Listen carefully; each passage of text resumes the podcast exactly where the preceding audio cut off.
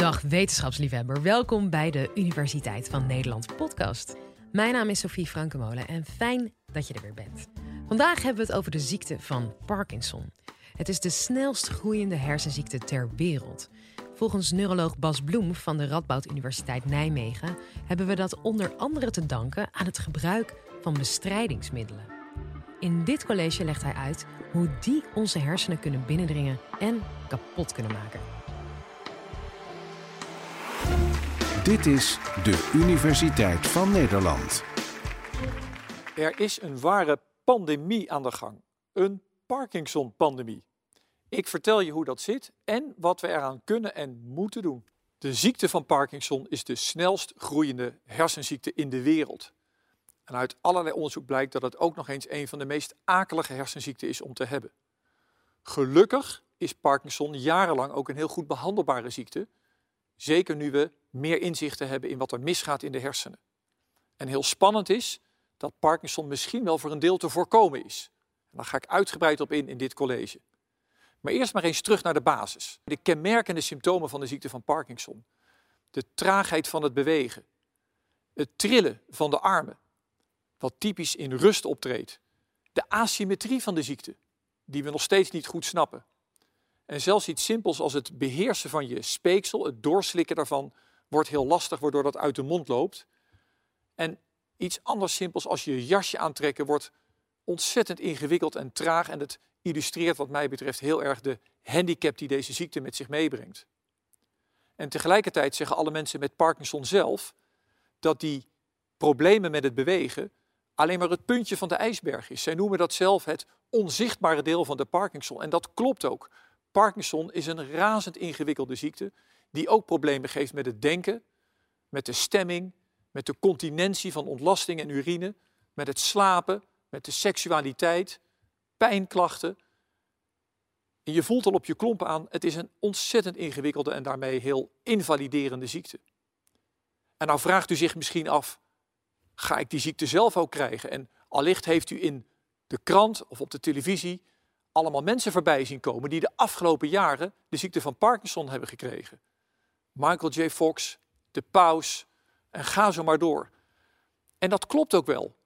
Misschien heeft u in uw eigen omgeving ook wel mensen die recent Parkinson-diagnose hebben gekregen. Uit eigen onderzoek blijkt dat de ziekte van Parkinson de snelst groeiende hersenziekte ter wereld is. En het neemt echt de vormen van een pandemie aan. Die ziekte is de afgelopen 10, 20 jaar verdubbeld en gaat de komende jaren verder verdubbelen. Echt een pandemie. En wat speelt daarbij een rol? Nou, een klein deel is veroudering. Omdat we allemaal ouder worden, komen allerlei ziekten, zoals ook de ziekte van Alzheimer en zeker ook de ziekte van Parkinson, vaker voor. Maar hoewel Parkinson vaker voorkomt op hogere leeftijd, is 10 tot 20 procent onder de 50. Mijn jongste patiënt is 13. Na correctie voor veroudering blijft Parkinson nog steeds doorgroeien. Dus veroudering is niet het enige. Erfelijkheid speelt voor een deel een rol. Er zijn een stuk of acht genen die Parkinson kunnen veroorzaken. Dan zit het vaak ook in de familie. Maar dat verklaart alles bij elkaar misschien maar 5% van de Parkinson. En wat we denken en wat steeds duidelijker wordt, is dat vervuiling van onze omgeving daarbij een grote rol speelt. Het mooiste bewijs is misschien wel dat James Parkinson in 1817 voor het eerst die ziekte heeft beschreven in Engeland, toen daar natuurlijk een industriële revolutie aan de hand was. In China is die ziekte de afgelopen tien jaar echt geëxplodeerd, waar ze natuurlijk nu hun industriële revolutie hebben. Maar het raakt ons allemaal. Daarnaast spelen namelijk ook nog andere stoffen een rol. Bijvoorbeeld landbouwbestrijdingsmiddelen, die we sinds de Tweede Wereldoorlog enorm zijn gaan gebruiken om een snel groeiende wereldbevolking te voeden. We weten inmiddels dat boeren een enorm verhoogd risico hebben op het ontwikkelen van de ziekte van Parkinson. In een aantal landen in de wereld, en met name in Frankrijk, is heel fraai aangetoond dat als je een landkaart maakt, bijvoorbeeld van Frankrijk, en je plot daarin de concentraties van die landbouwbestrijdingsmiddelen in het oppervlaktewater, en je zet daar overheen een kaartje van waar Parkinson meer en minder voorkomt, dan passen die twee landkaartjes naadloos over elkaar heen. Dus wijnboeren hebben een verhoogd risico op het krijgen van de ziekte van Parkinson. Maar het raakt u en mij en ons allemaal. Want diezelfde landbouwbestrijdingsmiddelen vinden hun weg naar de voedselketen. Naar wijn, naar melkproducten. Het blijkt dat het levenslange gebruik van melkproducten een risico is om later Parkinson te krijgen.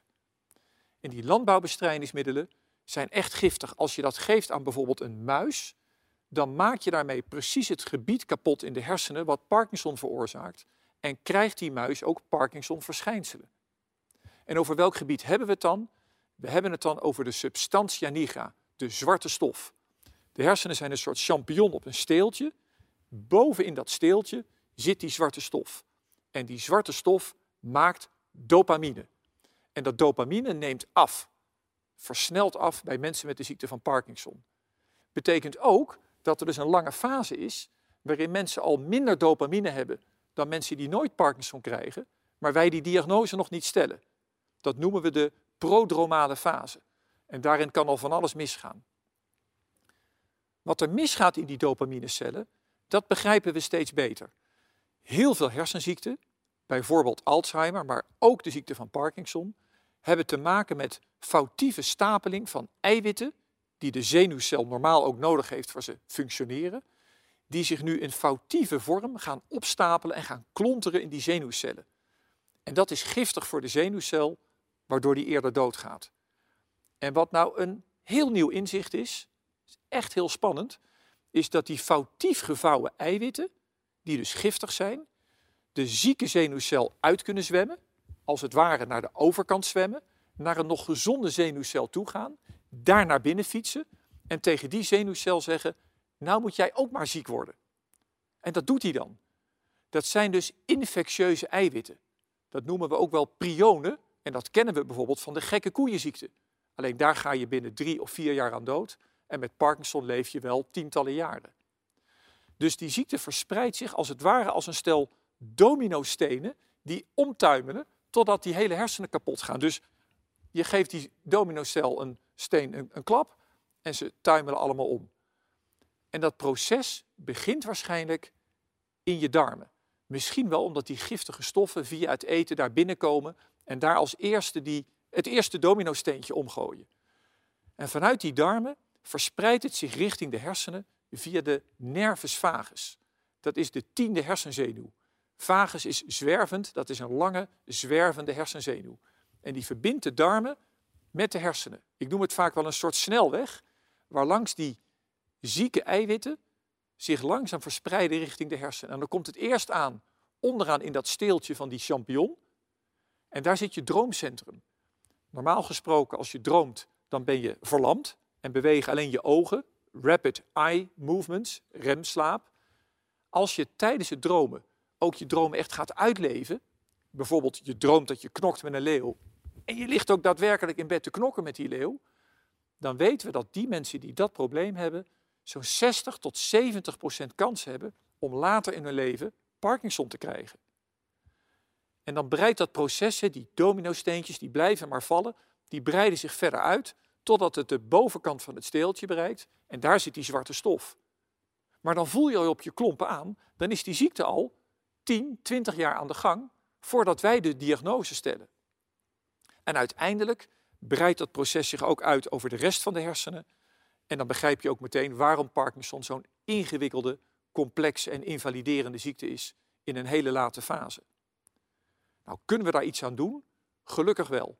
En ik gebruik vaak als metafoor twee parallele treinsporen. Je wil aan de ene kant fundamenteel onderzoek doen om te begrijpen wat er misgaat in de hersenen, als aangrijpingspunt voor oorzakelijke therapieën.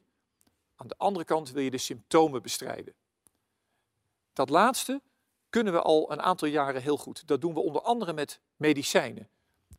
Maar die medicijnen hebben helaas ook hun beperkingen en veroorzaken na een aantal jaren bijwerkingen. Onder andere gaan die pillen hun doel voorbij schieten, waardoor mensen overtollig worden en met stampende bewegingen loopt.